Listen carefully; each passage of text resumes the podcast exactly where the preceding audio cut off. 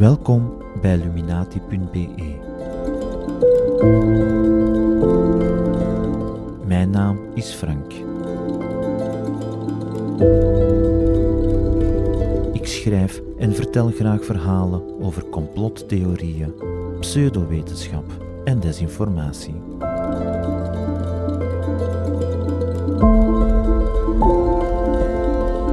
Voor deze podcastreeks heb ik drie afleveringen over een organisatie die al eeuwenlang een verrassend centrale plaats heeft in de Oost- en West-Europese samenzweringsfolklore, de Jezuïeten.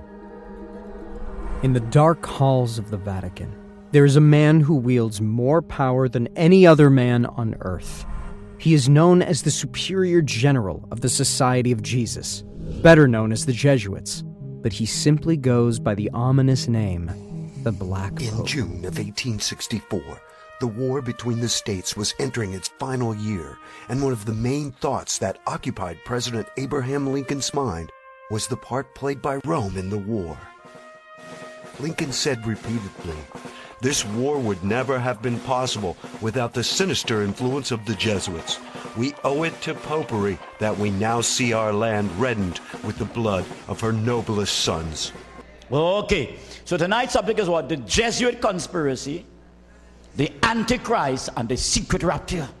Now, brethren, when I give you this topic here, and when I tell you, when I drop this one on you here, it's going to be special, you know, brethren. Auteur Jonathan Wright stelde dat de Jezuïeten altijd bijzonder invloedrijk zijn geweest.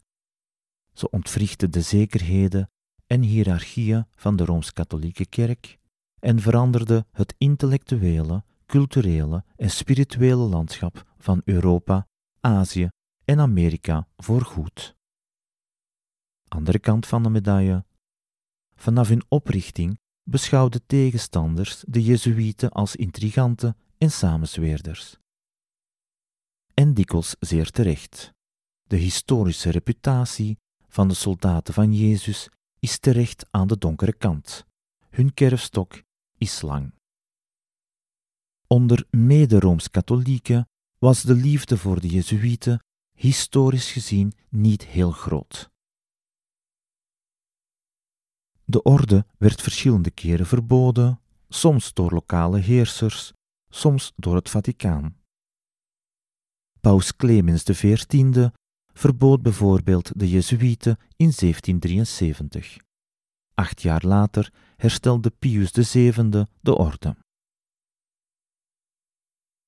De afkeer tegenover Jezuïeten heeft zich in de loop der tijden over alle christelijke denominaties uitgebreid. Onder protestanten van de fundamentalistischere soort zijn de Jezuïeten altijd al de vertegenwoordigers van het vermaledijde papisme, het pausdom, geweest. In kringen van Russische nationalisten zijn het de Jezuïeten die het grote Russische Rijk versnipperd hebben. Uitlopers hiervan vinden we in talloze complotverhalen waarin zij de hoofdrol toebedeeld krijgen. Ik heb in eerdere podcasts hun zogezegde rol beschreven in de context van het geloof in de platte aarde en in pseudohistorische theorieën à la Tartaria. Toen de Argentijn Jorge Mario Bergoglio in 2013 als eerste Jezuïet in de geschiedenis van de Heilige Stoel verkozen werd tot paus, gonsden de krochten van het internet dan ook van de duistere samenzweringstheorieën. Hem kennen we beter onder zijn artiestennaam Franciscus I. Eerder dan elke echte en vermeende samenzwering van boosaardige Jezuïeten uit de doeken te doen, wil ik mijn verhaal ophangen aan een algemene inleiding en drie kapstokken. Alle drie uit het 17e-eeuwse Engeland. In mijn eerste verhaal knoop ik een pak Jezuïetengeschiedenis aan het buskruidverraad van 1605. Nog steeds inspecteren de Yeomen of the Guard, net voor de opening van het Britse parlementaire jaar, de kelders van het Palace of Westminster. Niet zozeer om te kijken hoe hoog het water staat, eerder om te controleren of de kelders niet andermaal chockvol explosieven steken en dat er geen moderne Guido Fawkes klaarstaat om de boel te laten ontploffen. Deel 2 gaat over de samenzweringstheorieën naar aanleiding van de grote brand van Londen in 1666. Voor complotdenkers toen en later stond vast dat katholieken, papisten en dus jezuïeten aan de basis lagen van die calamiteit. Die drie termen, katholieken, papisten en jezuïeten, gooien complotdenkers heel graag op één hoop. Het laatste deel van deze reeks gaat over Titus Oates, de man die in de late 17e eeuw meer dan twintig mensen aan de galg praatte met zijn religieus geïnspireerde anti-katholieke verzinselen, waaronder een handvol Jezuïeten. Nee, ook op het gebied van complotdenkerij door particulieren was het vroeger niet beter.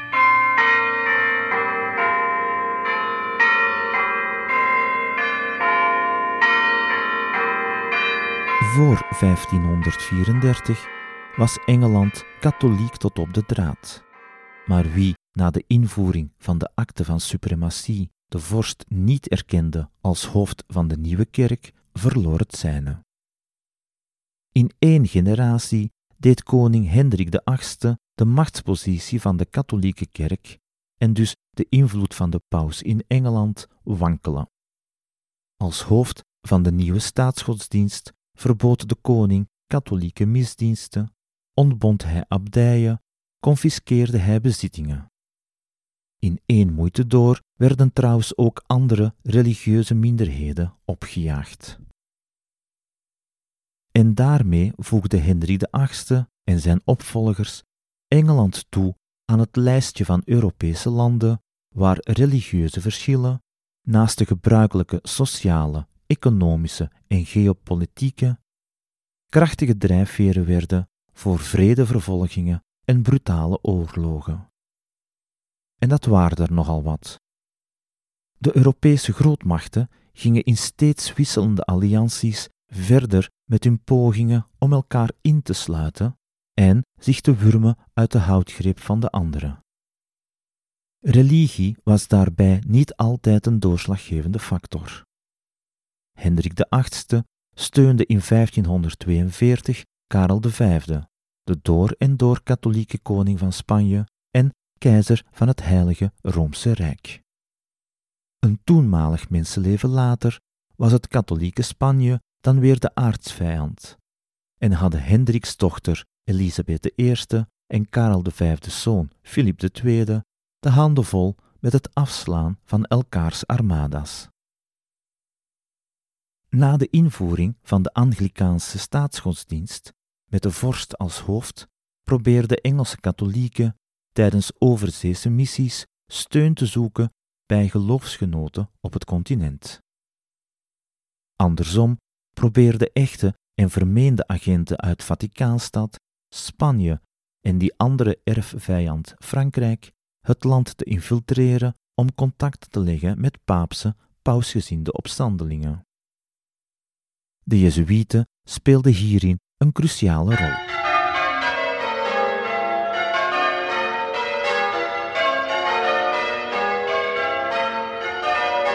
Watjes waren ze hoegenaamd niet, die Britse katholieken. Maar ze leken meer brani dan harsens te hebben. Het ene complot was eigenlijk al hopelozer in opzet dan het andere en vaak werden de samenzweerders gevat voor de uitvoering ervan. In 1571 smeden ze een groot complot en ze, dat waren onder meer Mary, de katholieke koningin van Schotland, en de hertog van Norfolk, die eveneens druk bezig was met het plannen van een alliantie, ik bedoel huwelijk, met Mary. Ook betrokken waren de hertog van Alba en zijn Spaanse legermacht, die in Spanje klaarstond om de oversteek te wagen. De plannen werden vroegtijdig ontdekt en het zogenaamde Ridolfi-plot, genaamd naar de katholieke bankier en financier, eindigde met de executie van de hertog van Norfolk. In 1583 plande katholieken een aanslag op Elisabeth I, het zogenaamde Throckmortonplat. Tegelijkertijd zou Hendrik I van Guise, mede-aanstoker van de gigantische moordpartij op Parijse hugenoten in 1572, het land binnenvallen. Het Vaticaan en Spanje zouden de zaak financieren. De Jezuïeten zouden de operatie mee coördineren. Ook nu werd de samenzwering voortijdig blootgelegd en de Engelse deelnemers genadeloos vervolgd. In 1603 werden de samenzweerders van het Mainplat en het Byplat tegen James I terechtgesteld. De beklaagde en geëxecuteerde waren in dat geval zowel van de katholieke als protestants-puriteinse overtuiging. Die twee samenzweringen zouden financieel gesteund zijn door het katholieke Spanje, al dus de officiële verslagen van de processen. Remember, remember the 5th of November, gunpowder, treason and plot. I see no reason why gunpowder treason should ever be forgot. Op 26 oktober 1605 enige tijd voor de geplande officiële opening van het parlementaire jaar, kreeg Lord Monteagle een anoniem schrijven met een dringende waarschuwing. En ik citeer: Mijn heer, omwille van de genegenheid die ik voel voor uw vrienden, ben ik ook bezorgd over uw lijfsbehoud. Ik zou u daarom willen aanraden, aangezien u uw leven lief hebt, om een excuus te bedenken voor uw afwezigheid in het parlement. Want God en mens samen willen de boosaardigheid van deze tijden bestraffen. Einde citaat. De Lord, een van de weinige katholieke parlementsleden in die periode, speelde de brief echter door aan Robert Cecil, de eerste Earl van Salisbury. Hem zouden we nu het hoofd van de koninklijke geheimen of veiligheidsdienst noemen. De autoriteiten schoten in actie, op zoek naar de beramers van het zoveelste complot in korte tijd. Waarschijnlijk was de brief aan Lord Monteagle geschreven door een katholieke medecomploteur of door iemand uit het entourage. Een mogelijk motief om de brief door te spelen kan het besef zijn geweest dat een aanslag de katholieke bevolking veel schade zou berokkenen. De samenzweerders hadden toen al zo'n jaar op hun plannen gebroed. Wat in 1604 begon als een complot met enkele deelnemers, geleid door ene Robert Catesby, groeide door geldgebrek uit tot een wijdser complot. Net zoals vele devote katholieken weigerden de comploteurs de vorst als hoofd van de kerk te herkennen en gingen ze niet naar de Anglikaanse erediensten. In 1601 nam Catesby al deel aan de opstand van Essex. Deze rebellie tegen koningin Elisabeth I mislukte. Hij werd opgepakt, maar weer vrijgelaten. In 1603, bij de troonsbestijging van James I, leek het even of de repressie tegen de katholieken verminderd zou worden. Maar de verwachtingen werden niet ingelost. Zowel katholieken als puriteinen leden onder de akte van recusatie. En dat is de naam van een reeks wetten die zware straffen oplegde aan één ieder die onder meer de Anglikaanse erediensten niet bijwoonde. Aan de weigeraars dus, de zogenaamde recusanten. Die akten werden ingevoerd onder Elisabeth I in 1558. Bij zijn aantreden in 1603 leek koning James I heel even die wetten te versoepelen.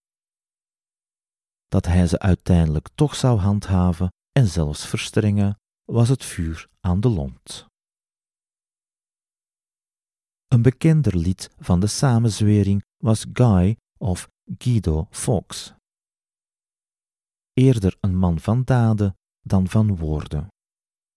Als huurling vocht hij vanaf de jaren 1590 mee met katholieke legers op het continent. Zo nam hij tijdens de Tachtigjarige Oorlog deel aan tal van Spaanse campagnes tegen de Nederlandse protestantse rebellen. En dat deed hij blijkbaar met verve. Hij werd voorgedragen om bevorderd te worden tot kapitein. Zijn bevelhebber in Vlaanderen was Sir William Stanley, eveneens een Engelsman in Spaanse dienst. Deze vijftiger, ooit geridderd in Engeland omwille van zijn militaire prestaties, begon zijn continentale oorlogscarrière in Engels-Anglikaanse dienst. Maar hij veranderde van godsdienst en dus van zijde. Zijn bekering tot het katholicisme katapulteerde hem naar de bovenste helft van het Engelse lijstje met te hate personen. Terug naar Fox. Hij gaf de Europese slagvelden en zijn bevordering op voor een groter doel. Fox reisde af naar het Spaanse Hof om te pleiten voor een invasie van Engeland door Iberische legers. Tegelijkertijd uit te voeren met een algemene opstand van 3000 Engelse katholieken. Maar veel inzicht in internationale diplomatie had Fox niet. Hoewel hij welwillend werd ontvangen door de raadgevers van de Spaanse koning Filip, de derde ondertussen, deelde deze de mening van de paus. Een internationale gewapende inmenging op Engelse bodem zou het katholicisme in Engeland helemaal kunnen wegvagen. Fox probeerde de Spaanse edelman Don Juan de Tassis nog te overhalen.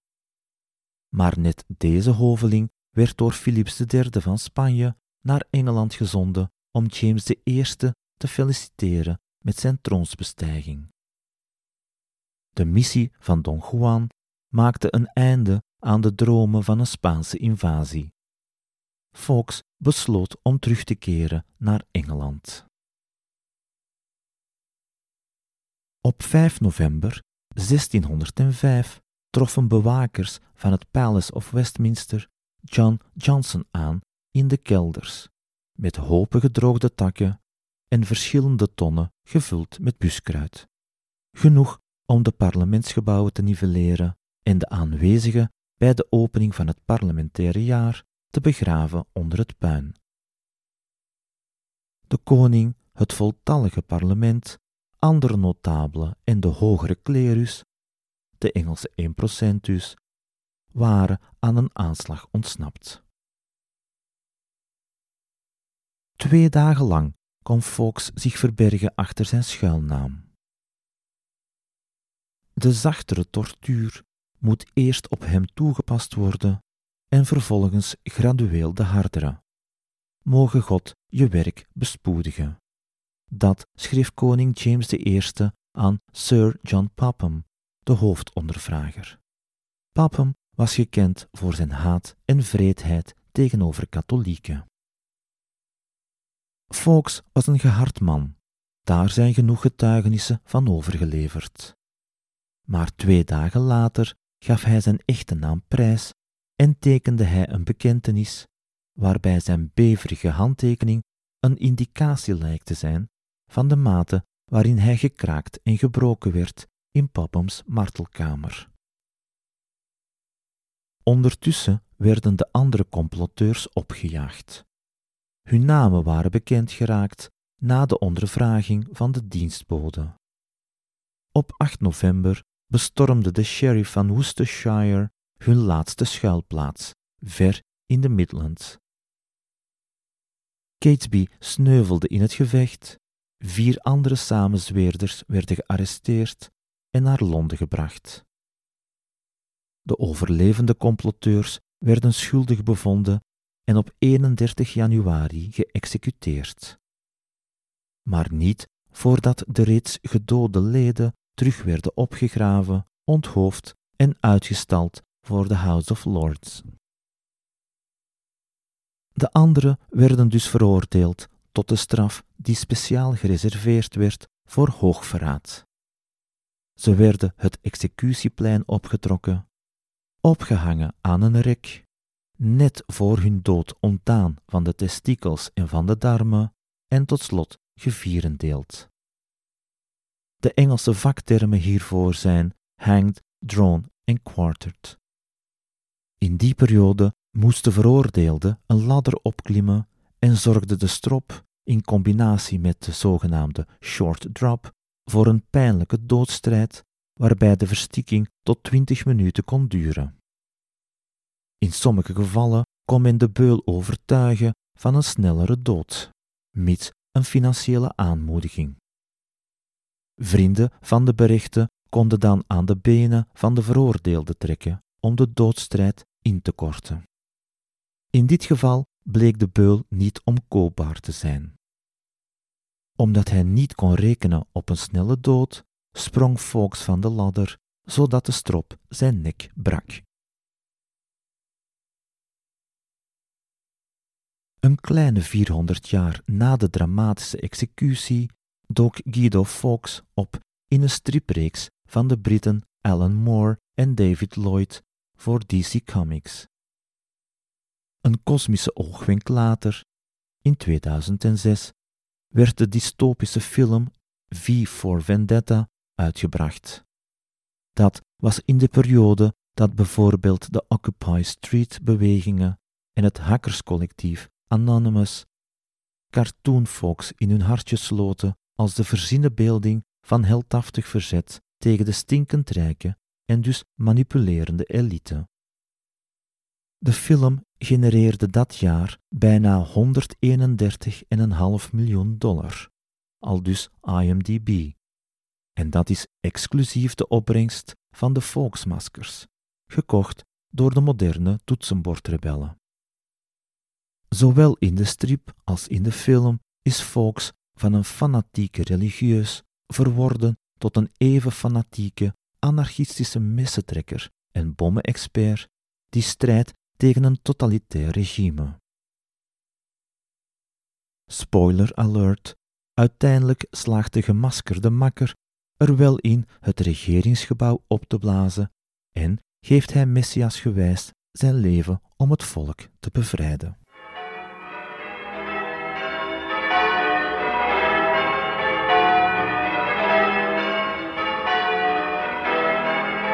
Zowel het opzet als het doel van het complot waren geheel gespeend van enige zin voor realiteit.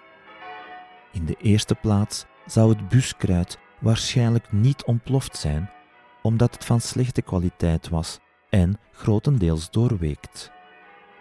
Erger nog, ze konden de koning en het hele establishment in november niet doden. De opening van het parlementaire jaar was uitgesteld omwille van een dreigende pestepidemie. Verder konden ze niet rekenen op buitenlandse militaire steun of op een binnenlandse katholieke rebellie. Ook Henry Garnet, hoofd van de Engelse Jezuïeten, zou de samenzweerders verboden hebben om verder te gaan nadat hij, zogenaamd toevallig, de plannen vernomen had.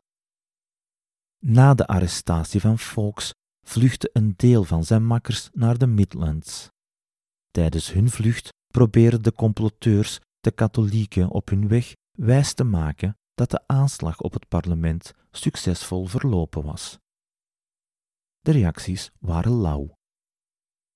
En zelfs als ze erin geslaagd zouden zijn om het gebouw op te blazen en later alle troonpretendenten en hun aanhang te neutraliseren, dan nog zou het van weinig politiek inzicht getuigen om te denken dat men een 17e eeuws land had kunnen besturen dat net zo'n schok had moeten doorstaan.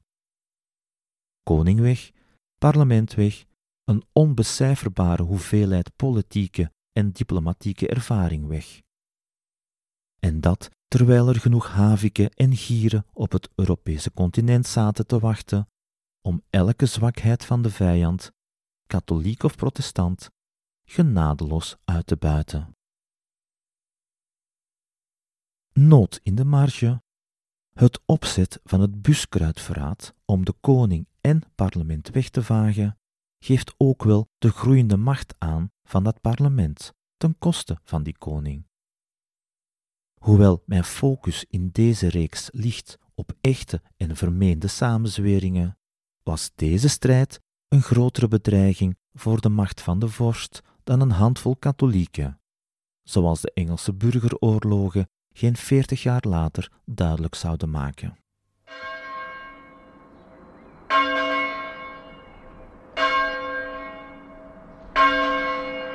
Het duurde niet lang voor het buskruidverraad gekend zou geraken als het verraad der Jezuïeten. En dit is het moment om iets meer te vertellen over deze katholieke orde.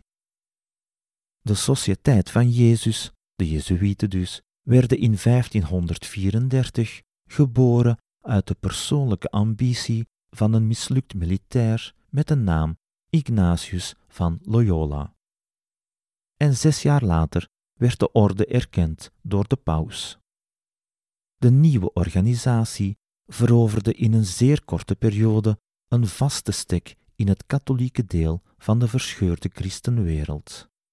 Haar groei was gebaseerd op een strakke, inderdaad militaire organisatie en bedelpraktijken.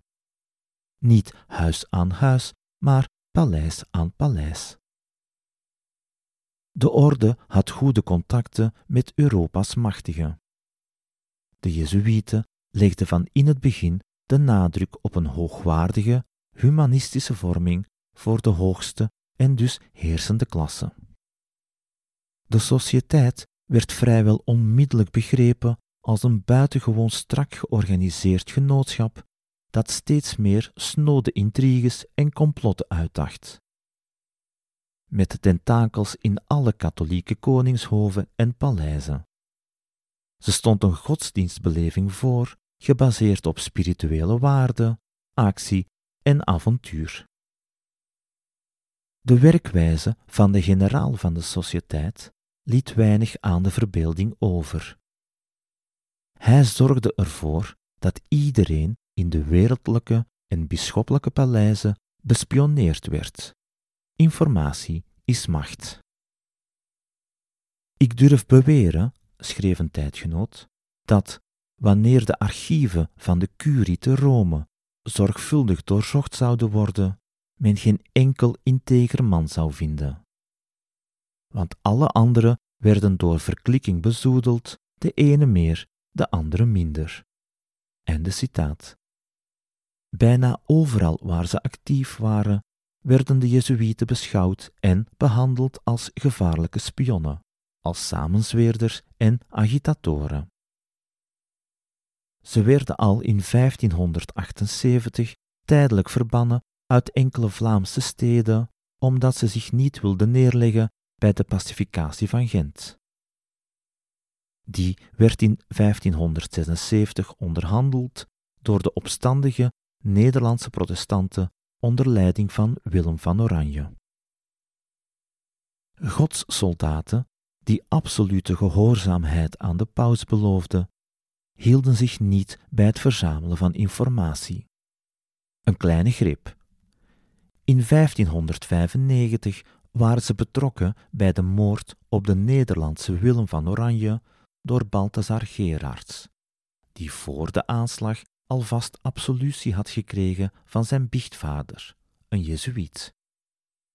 In 1589 jaagden ze de moord toe op koning Hendrik III van Frankrijk. De volgende Hendrik verbande hen uit het land na een mislukte aanslag op zijn persoon enige tijd later.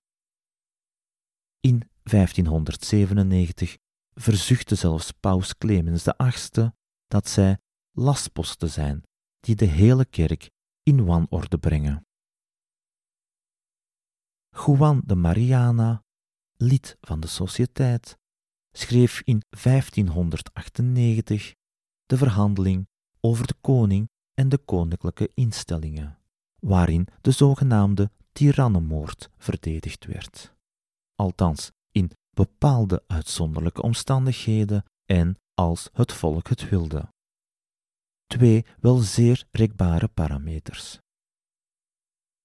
Het uitgangspunt was de vraag of men de moord op Julius Caesar, die de alleenheerschappij ambieerde, kon verantwoorden.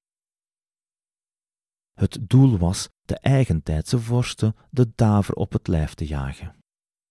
Als alle hoop vervlogen is, schreef de Mariana, in geval van een gevaar voor het algemeen welzijn, eist dit de heiligheid van de godsdienst.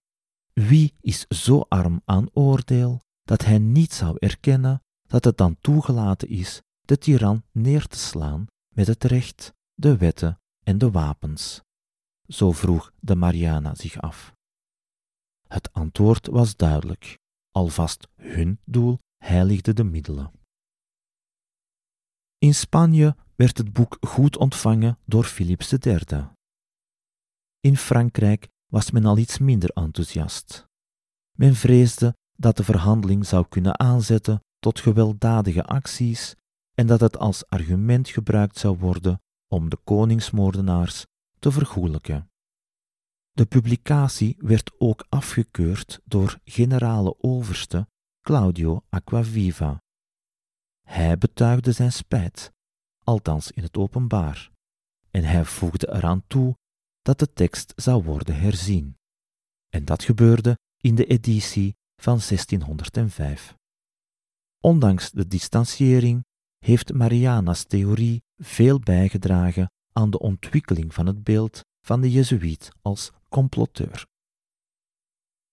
Te laat echter, toen koning Hendrik IV van Frankrijk op zijn beurt werd vermoord, en dat gebeurde in mei 1610, barstte er een ware storm los tegen de Jezuïeten. In opdracht van het parlement van Parijs werd het boek van de Mariana openbaar verbrand op 4 juli 1610. Maar terug naar Engeland. In deze context werd tal van Engelse jonge mannen naar Spanje en Frankrijk gestuurd om een priesteropleiding te volgen aan de seminaries van de Sociëteit van Jezus. Na hun wijding kwamen ze als soldaten Gods terug om zigzaggend tussen martelkamer en strop hun religieuze taken uit te voeren. Ad majorum Dei gloriam, tot meerdere glorie Gods.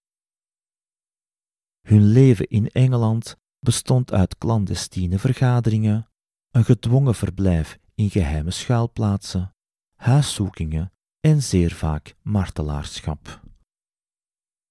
Het contemporaine boek Het leven van een opgejaagde priester, geschreven door Jezuïet John Gerard, is een ijzingwekkend verslag van die periode. Priesterholen en gangen, ook gekend van de plotwendingen in meer dan één Midsommeriaans moordmysterie, dateren uit die periode. Gerard was de enige Jezuïet die uit de Tower of London wist te ontsnappen toen hij in 1594 tevergeefs gemarteld werd om de exacte locatie van het hoofdkwartier van de Britse Jezuïeten te onthullen. Nog een hoofdrolspeler, Sir Edward Coke. Hij was de hoofdaanklager onder koningin Elisabeth I en James I, en hij had zijn handen vol met het berichten van veel katholieke opstandelingen, samenzweerders en rebellen. Zijn virulent anticatholicisme spitste zich toe op de Jezuïeten, wiens invloed hij in elke samenzwering of bedreiging meende te ontwaren. Zelfs tijdgenoten vonden dat hij zich vaak eerder liet leiden door zijn antipapisme dan door bewijzen. Kortom, Sir Edward Coke was een epigoon van het Engelse geïnstitutionaliseerde anticatholicisme. Als openbare aanklager tijdens de zittingen rond het buskruidverraad was hij er rotsvast van overtuigd dat Henry Garnet, hoofd van de Engelse Jezuïeten, een van de belangrijkste aanstokers was van het complot. Hij was as black as hell, schreef hij. Garnet zou weliswaar op de hoogte geweest zijn dat er een aanslag op handen was, maar zou die verboden hebben. Uiteindelijk werd hij toch beschuldigd van hoogverraad en geëxecuteerd, samen met twee andere Jezuïeten. De eerder genoemde John Gerard kende de meeste samenzweerders ook. Hij werd geïmpliceerd in het complot, maar wist te ontsnappen naar het continent. Sir Edward Coke's oordeel was duidelijk. Ik citeer: Kwaadaardige en duivelse paapse jezuïeten en priesters waarvan gevreesd wordt dat ze op de meest verschrikkelijke manier samenzweren. Einde citaat. Cokes stelde de officiële versie op. Het buskruidverraad was het verraad der Jezuïeten.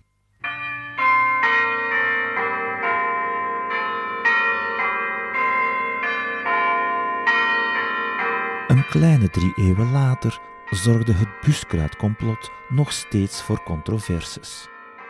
In 1897 schreef een andere John Gerard, ook een Jezuïet, het boek Wat was het buskruidverraad? Het traditionele verhaal versus originele getuigenissen. Het boek ging in tegen de gangbare officiële versie, die op het einde van de 19e eeuw verrassend actueel leek te zijn. John Gerard bracht begrip op voor de samenzweerders. Rooms-katholieken in Engeland hadden het inderdaad zeer zwaar te verduren. Ze konden de eigen godsdienst niet beleiden, zij moesten de paus afzweren als kerkelijk hoofd, ze moesten telkens een boete betalen wanneer ze de Anglikaanse dienst niet bijwoonden, en ze werden actief vervolgd. Maar volgens Gerard kunnen we pas vanaf de gevangenneming van Guido Fawkes echt zeker zijn wat er zich afgespeeld heeft. Over de periode daarvoor, de recruteringen en de voorbereidingen weten we niets met zekerheid.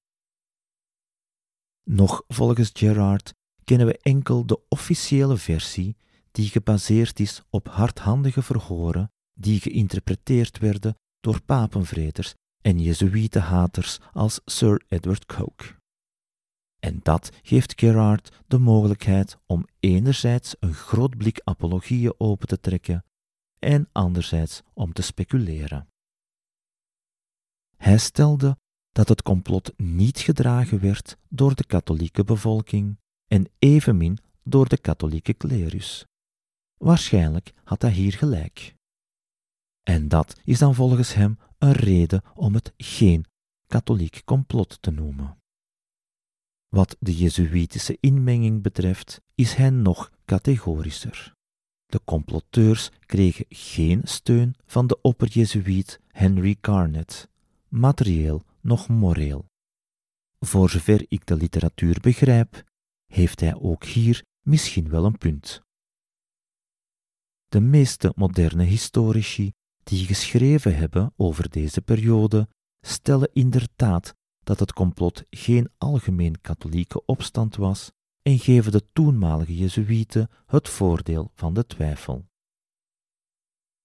Maar Gerard wilde geen misschien of waarschijnlijk. Hij wilde niet enkel de Jezuïeten vrijpleiten of de katholieke klerus, maar ook de samenzweerders zelf. En hier begon Gerard aan te schurken tegen een complottheorie. Om zijn geloofsgenoot te beschermen, creëerde hij geen deus, maar diabolus ex machina. Robert Cecil, graaf van Salisbury. Cecil was een van de belangrijkste staatslieden onder Elisabeth I en James I, en zijn positie als Secretary of State, toen een combinatie van pakweg minister, rechter en hoofd van de geheime dienst, maakte hem tot een van de machtigste mannen in die periode.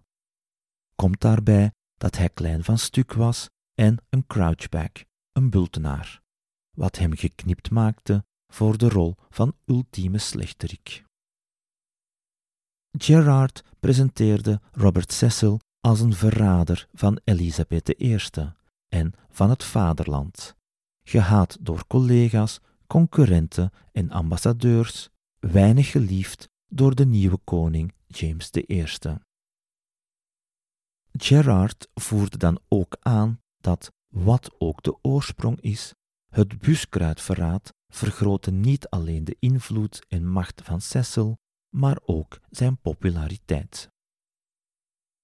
De volgende, de volgende stap in zijn apologie is de vaststelling dat het opzet van het complot ongezien is in zijn vreedheid.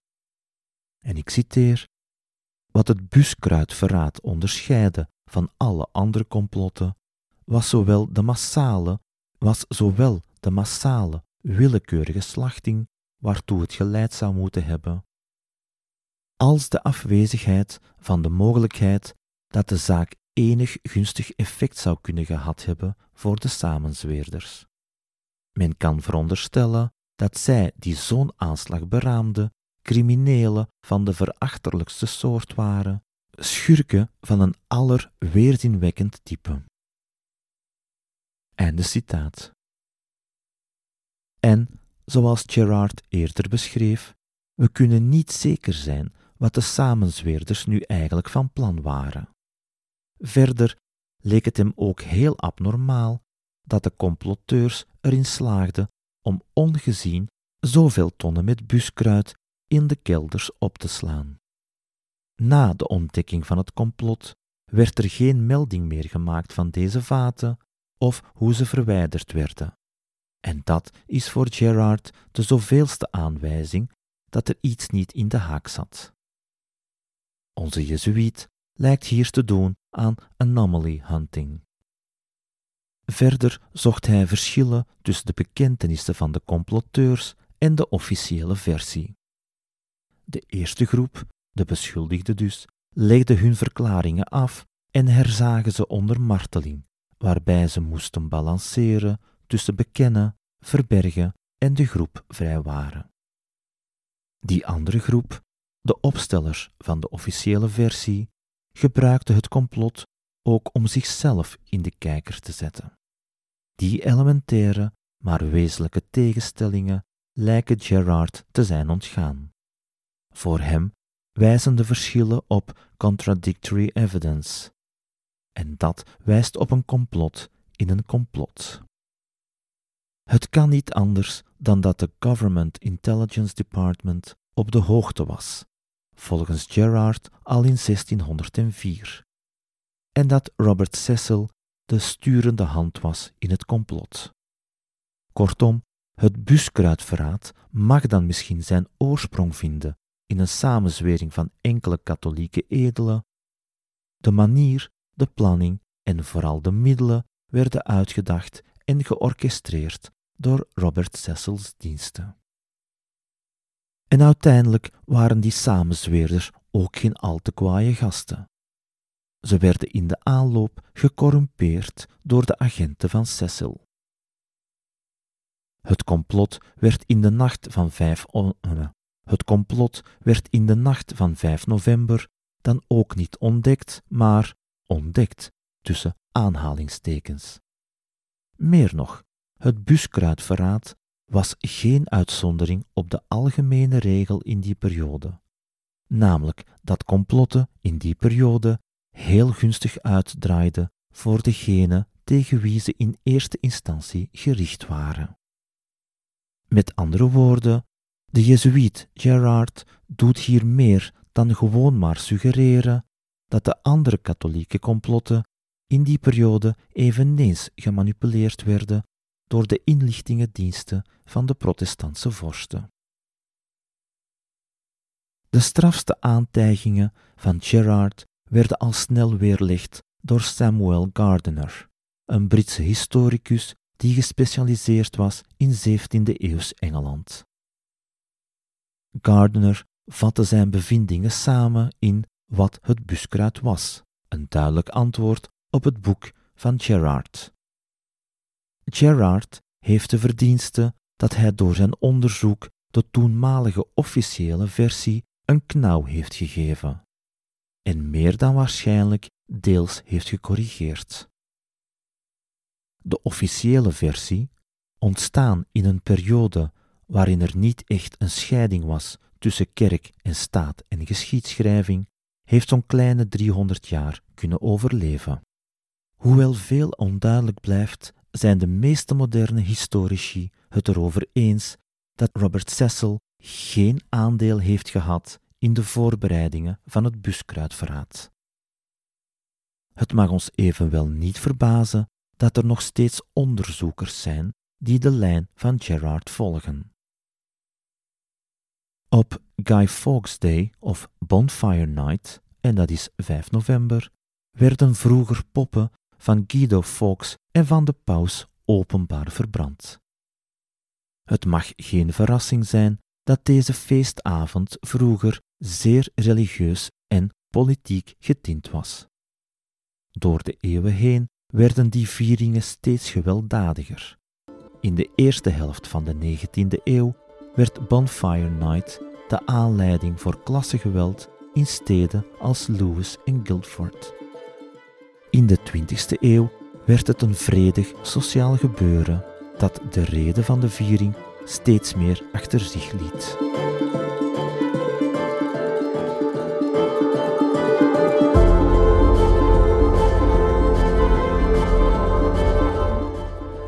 Dank voor het luisteren.